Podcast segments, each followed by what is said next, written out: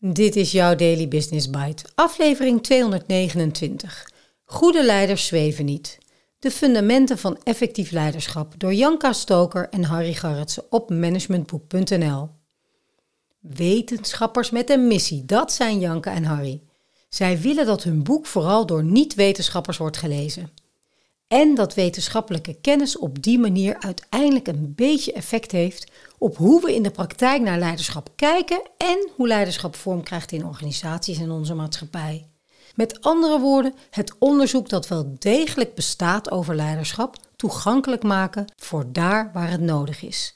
Laten we snel luisteren.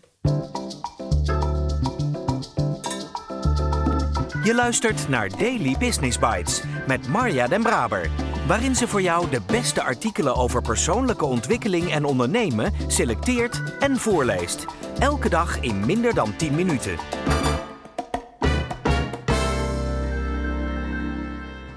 In de wereld van leiderschap en management struikel je over boeken vol prachtige adviezen en tegeltjeswijsheden. Er zijn veel voormalig topleiders die hun ervaringen met het grote publiek delen. Zo leert Sheryl Sandberg ons in haar succesvolle boek Lean In: Done is better than perfect. Ook politiek leiders grossieren in uitspraken waarin ze wijze leiderschapslessen aan ons geven. Denk aan Winston Churchill's pakkende If you're going through hell, keep going. Waarbij die les dan weer gretig is opgepikt door een nieuwe generatie leiders, zoals Elon Musk, die hem in dit voor Tesla vrij rampzalige jaar meteen in de praktijk kon brengen.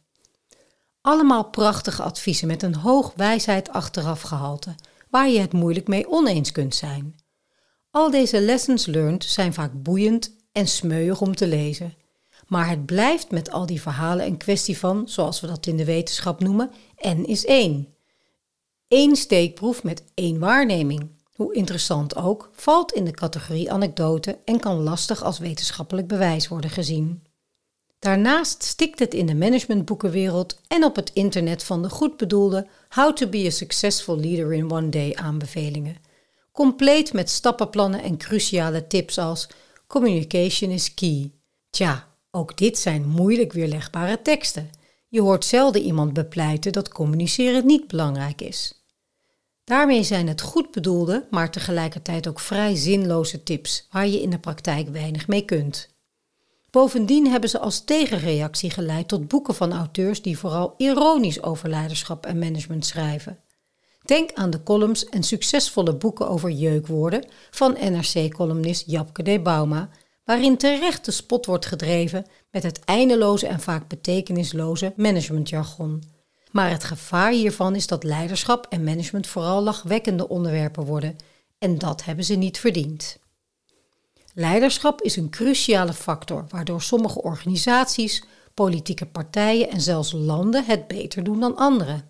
En het mooie is, we weten daar uit onderzoek echt heel veel van. En met we bedoelen we hier de wetenschap.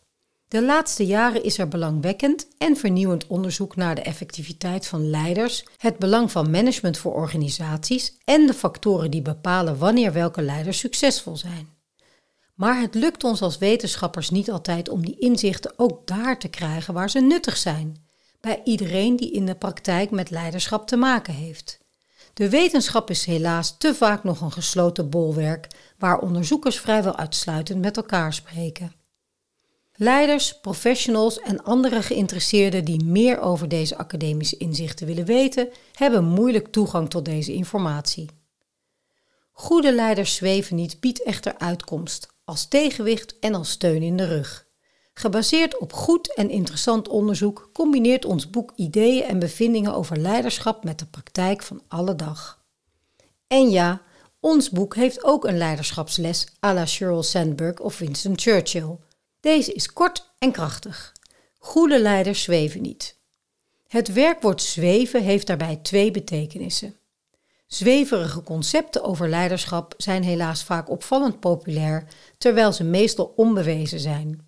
Denk aan de Myers-Briggs persoonlijkheidstest, die je bijvoorbeeld adviseert om een zogenaamd ISFJ, vraagteken, uitroepteken, leiderschapstype te zijn, terwijl onderzoek geen spaan heel laat van dit model.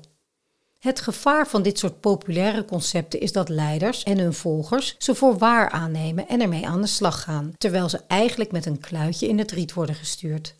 Wij willen de lezer helpen om voorbij de gemakzuchtige zweverij te kijken en om met beide voeten op de grond de zin van de onzin over leiderschap te kunnen scheiden. In de tweede plaats zweven leiders niet, omdat ze niet losgezien kunnen worden van hun omgeving. De beste leider bestaat niet.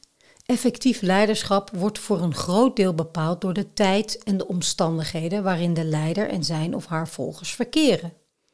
Effectief leiderschap is daarmee in belangrijke mate contextspecifiek. Het onderzoek waarop ons boek is gebaseerd laat zien hoe effectief leiderschap en de context samenhangen. Dat goede leiders niet zweven, betekent overigens niet dat visie en vergezicht onzin zouden zijn. Integendeel.